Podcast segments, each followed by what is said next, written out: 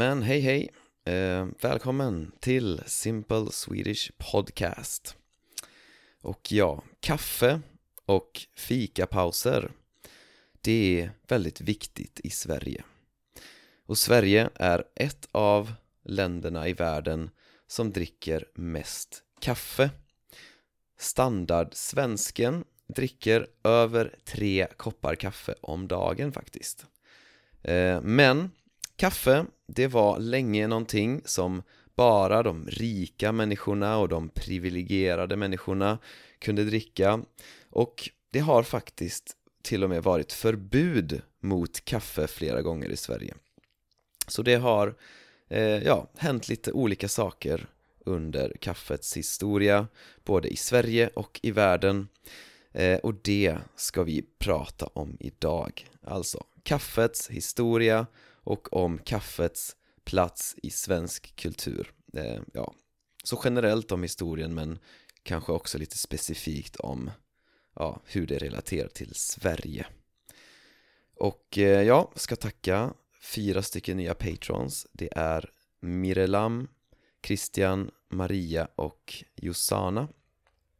Tack, tack till er för att ni stödjer den här podden och ja, alla som stödjer podden får då tra transkript till alla avsnitt. Och eh, vi har faktiskt eh, någonting nytt som stödjer den här podden. Eh, Vi har faktiskt en sponsor för första gången i Simple Swedish Language eh, Simple Swedish ah, Oh shit, jag, jag borde inte spela in den här podden så sent på kvällen. Eh, vi har faktiskt en sponsor av dagens eh, poddavsnitt och det är Language Lock-In. Ja, Language Lock-In, det har ni säkert hört mig prata om förut och då vet du att jag är med och driver det här projektet tillsammans med två andra personer. Eh, så, ja, man kan säga att jag tillsammans, jag själv tillsammans med mina två kollegor i Language Lock-In vi sponsrar den här, eh, den här podden nu. Så eh, det kommer du höra någonstans mitt i avsnittet. Så kommer du höra eh, från våran sponsor då Language Lock-In eh, Ja, så bara så att du inte blir förvånad. Eh, Ja, så då ska vi prata om kaffets historia. Och eh, kaffet eh, kaffet har sitt ursprung eh, i det som idag är Etiopien.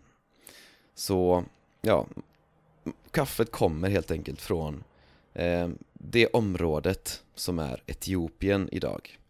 Och eh, någonstans på 500-talet så började folk tugga på kaffeplantans blad och bär. Och det finns en legend eh, om en man som hette Kaldi.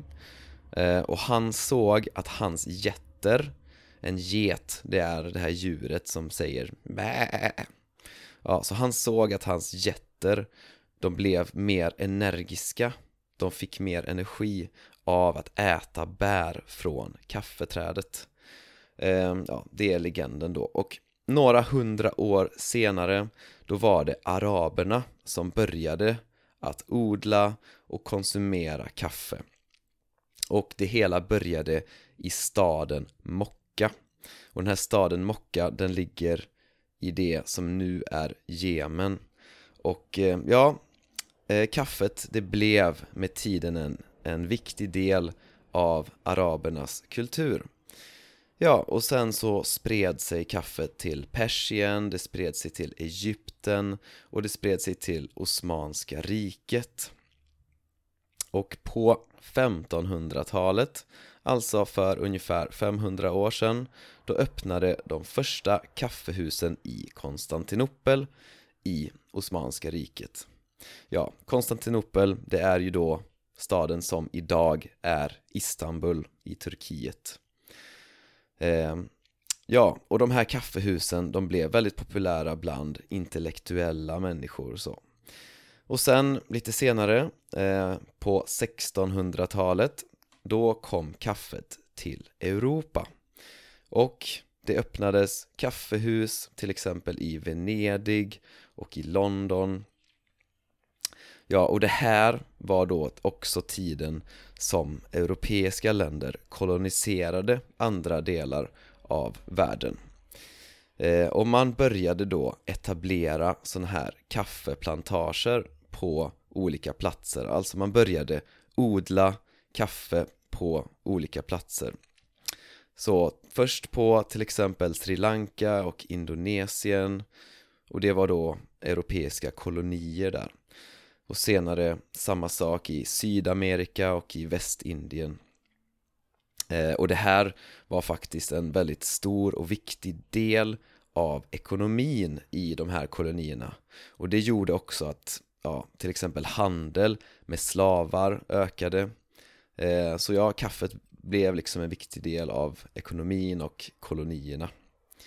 Och i Europa så blev de här kaffehusen eh, viktiga platser att träffas på för intellektuella människor, för studenter eh, och, men också för politiker och ja, andra människor från samhällets elit. Och det var en, det var en viktig plats för att utbyta idéer. Man, man tror att många idéer från upplysningen eh, de spreds i sådana här kaffehus och också om vetenskap och till och med för liksom revolutioner och sådana saker. Eh, ja.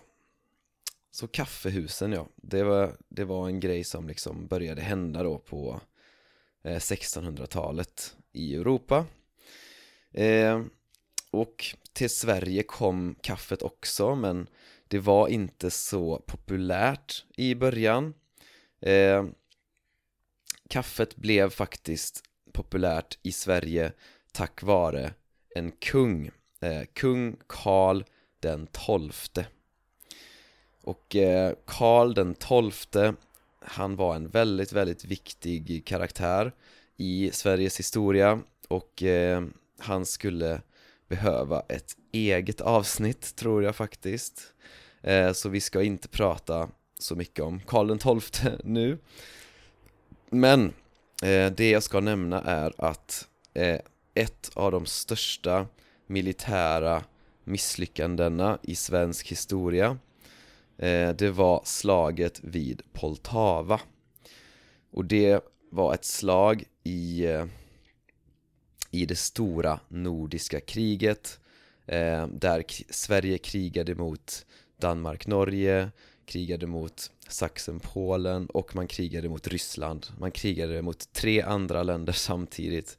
Man eh, vann mot Danmark-Norge och mot Sachsen-Polen men mot Ryssland så eh, förlorade Sverige stort vid slaget vid Poltava eh, och då flydde Karl XII till Osmanska riket Osmanska riket, ja, man, det, man skulle kunna säga att det är Turkiet helt enkelt. Så, Och han levde där i exil i flera år. Jag vet att alla som vill prata svenska alltid har samma problem. Antingen bor du i Sverige och alla vill bara prata engelska eller så bor du utanför Sverige och ingen kan svenska. Du får alltså inte chansen att öva och bygga ditt självförtroende på svenska. Men det här har nu en lösning och den lösningen heter Language Lock-In. Tänk dig 9 dagar, över 200 timmar av att bara prata svenska i ett superintensivt språkbad Helt skapat för att maximera ditt självförtroende på svenska. Vill du veta mer och registrera dig? Gå till languagelockin.com Och han levde där i exil i flera år. Eh, och där, där, där var det ju populärt med kaffe och där började han dricka jättemycket kaffe. Och eh, det finns eh, information om att han förbrukade tre och ett halvt kilo kaffe om dagen. Och sen när han kom tillbaka till Sverige år 1715 då tog han kaffet med sig. Och det kom också människor eh, från Osmanska riket som visste hur man bryggde kaffe. Och med det här så började kaffet bli populärt också i Sverige ja, på 1700-talet ja, ungefär 300 år sedan. Men i början var det bara för eliten och för rika människor och bara för män. Eh, Ja, för att det var såklart väldigt, väldigt dyrt. Eh, Men det fick inte riktigt samma politiska betydelse som i andra europeiska länder. Så varför fick inte kaffet samma så här politiska betydelse i Sverige? Jo, det var för att i Sverige så, så satte man olika restriktioner på kaffehusen Så man var till exempel tvungen att stänga en viss tid eh, och eh, det blev till och med totalt förbud på kaffe flera gånger eh, Ja, jättekonstigt, varför vill man förbjuda kaffe liksom? Men tydligen så var det till exempel att ja, man ville inte att så mycket pengar skulle åka ut ur landet för att folk liksom köpte kaffe från andra länder. Man ville att folk skulle konsumera svenska varor, svenska saker. Ja men, ehm, ja, så det var liksom, ibland var det faktiskt förbud på kaffe i Sverige. Eh, Sen på 1800-talet, då blev det, började det bli lite billigare Det började bli lite lättare att få tag på kaffe och så. Eh, Och i början av 1900-talet Då hade det blivit väldigt populärt Väldigt utspritt, väldigt vanligt med kaffe. Det blev lite av en nationaldryck. Och folk började brygga kaffe hemma. Eh, På arbetsplatser så blev det vanligt att man tog en kafferast, alltså en kaffepaus. Eh, Och i kyrkorna så bjöd man på kaffe på söndagar efter mässan. Eh, det fanns också eh, restriktioner på krogar, alltså platser där man dricker alkohol och eh, ja, ju mer restriktioner det blev på krogarna desto mer började folk eh, gå till kaféer istället. Ja, så att ja, det blev mer och mer vanligt och mer och mer populärt att dricka kaffe i Sverige. Och i Sverige så är den vanligaste typen av kaffe det är bryggkaffe. Eh, Ja, och att göra bryggkaffe, det gör man med en kaffebryggare. Haha. Eh, Ja, och en kaffebryggare, det finns på nästan alla ar arbetsplatser. I nästan alla svenska hem. Det är liksom väldigt, väldigt standard att man har en kaffebryggare. Och om du är Eh, och äter lunch på en restaurang i Sverige. Då ingår nästan alltid kaffe. Alltså kaffe är nästan alltid inkluderat i priset eh, när man äter lunch. Och det brukar också vara fri påtår. Vad är påtår? Jo, påtår är när man går och fyller på mer kaffe. Så du, du tar kaffe du dricker upp ditt kaffe och sen går du och hämtar mer kaffe. Och det är på tår. Ja, så att det är vanligt att det är liksom inkluderat för att ja, man, folk dricker mycket kaffe liksom. Um, Ja, och det är många som dricker alldeles för mycket kaffe Speciellt när de jobbar och antagligen speciellt på vintern också. Um, och eh, ja, som sagt den vanligaste typen av kaffe är så här filtrerat kaffe med en, som man gör med en kaffebryggare. Det är först, först på 90-talet så började det bli populärt med sån här espresso och caffè latte och cappuccino och sånt. Och det blev inte populärt på grund av Italien utan det blev populärt på grund av eh, eh, alltså eh, på, alltså från USA amerikanskt eh, inflytande på, svensk, på Sverige.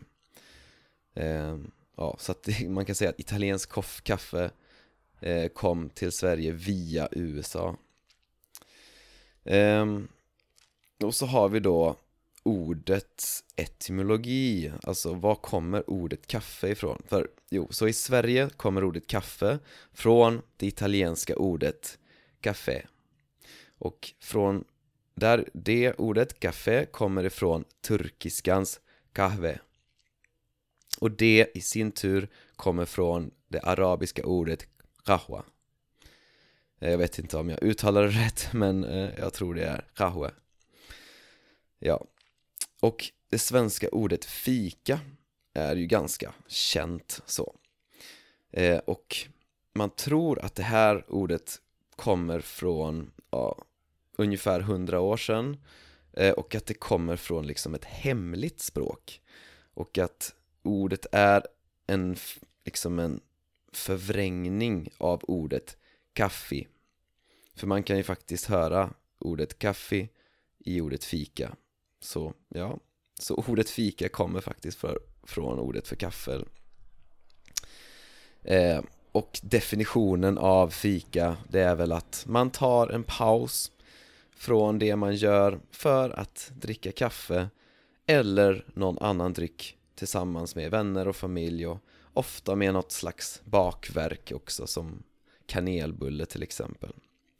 Det är fika. Och egentligen så är ju det inte unikt för Sverige utan det finns ju överallt så. Eh, Så jag vet inte varför man säger att det är unikt för Sverige. Men att man har det här ordet fika det kanske är det kanske är unikt, vad vet jag. Ja, det var det jag skulle säga om eh, kaffe. Jag vill också berätta att eh, det kommer vara, oj oj, nu, nu skäller hunden här. Det kommer vara ett eh, väldigt, väldigt intressant webbinarium eh, Den 8... Söndagen den 8 oktober. Eh, Och det kommer vara med, tillsammans med mig och med eh, Katrin Berndt från Slow Swedish. Så ni kan skriva ner datumet den 8 oktober, söndagen där.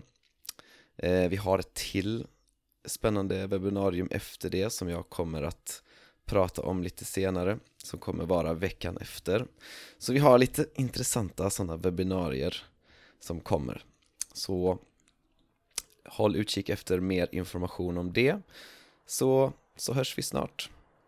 Ha det så gött!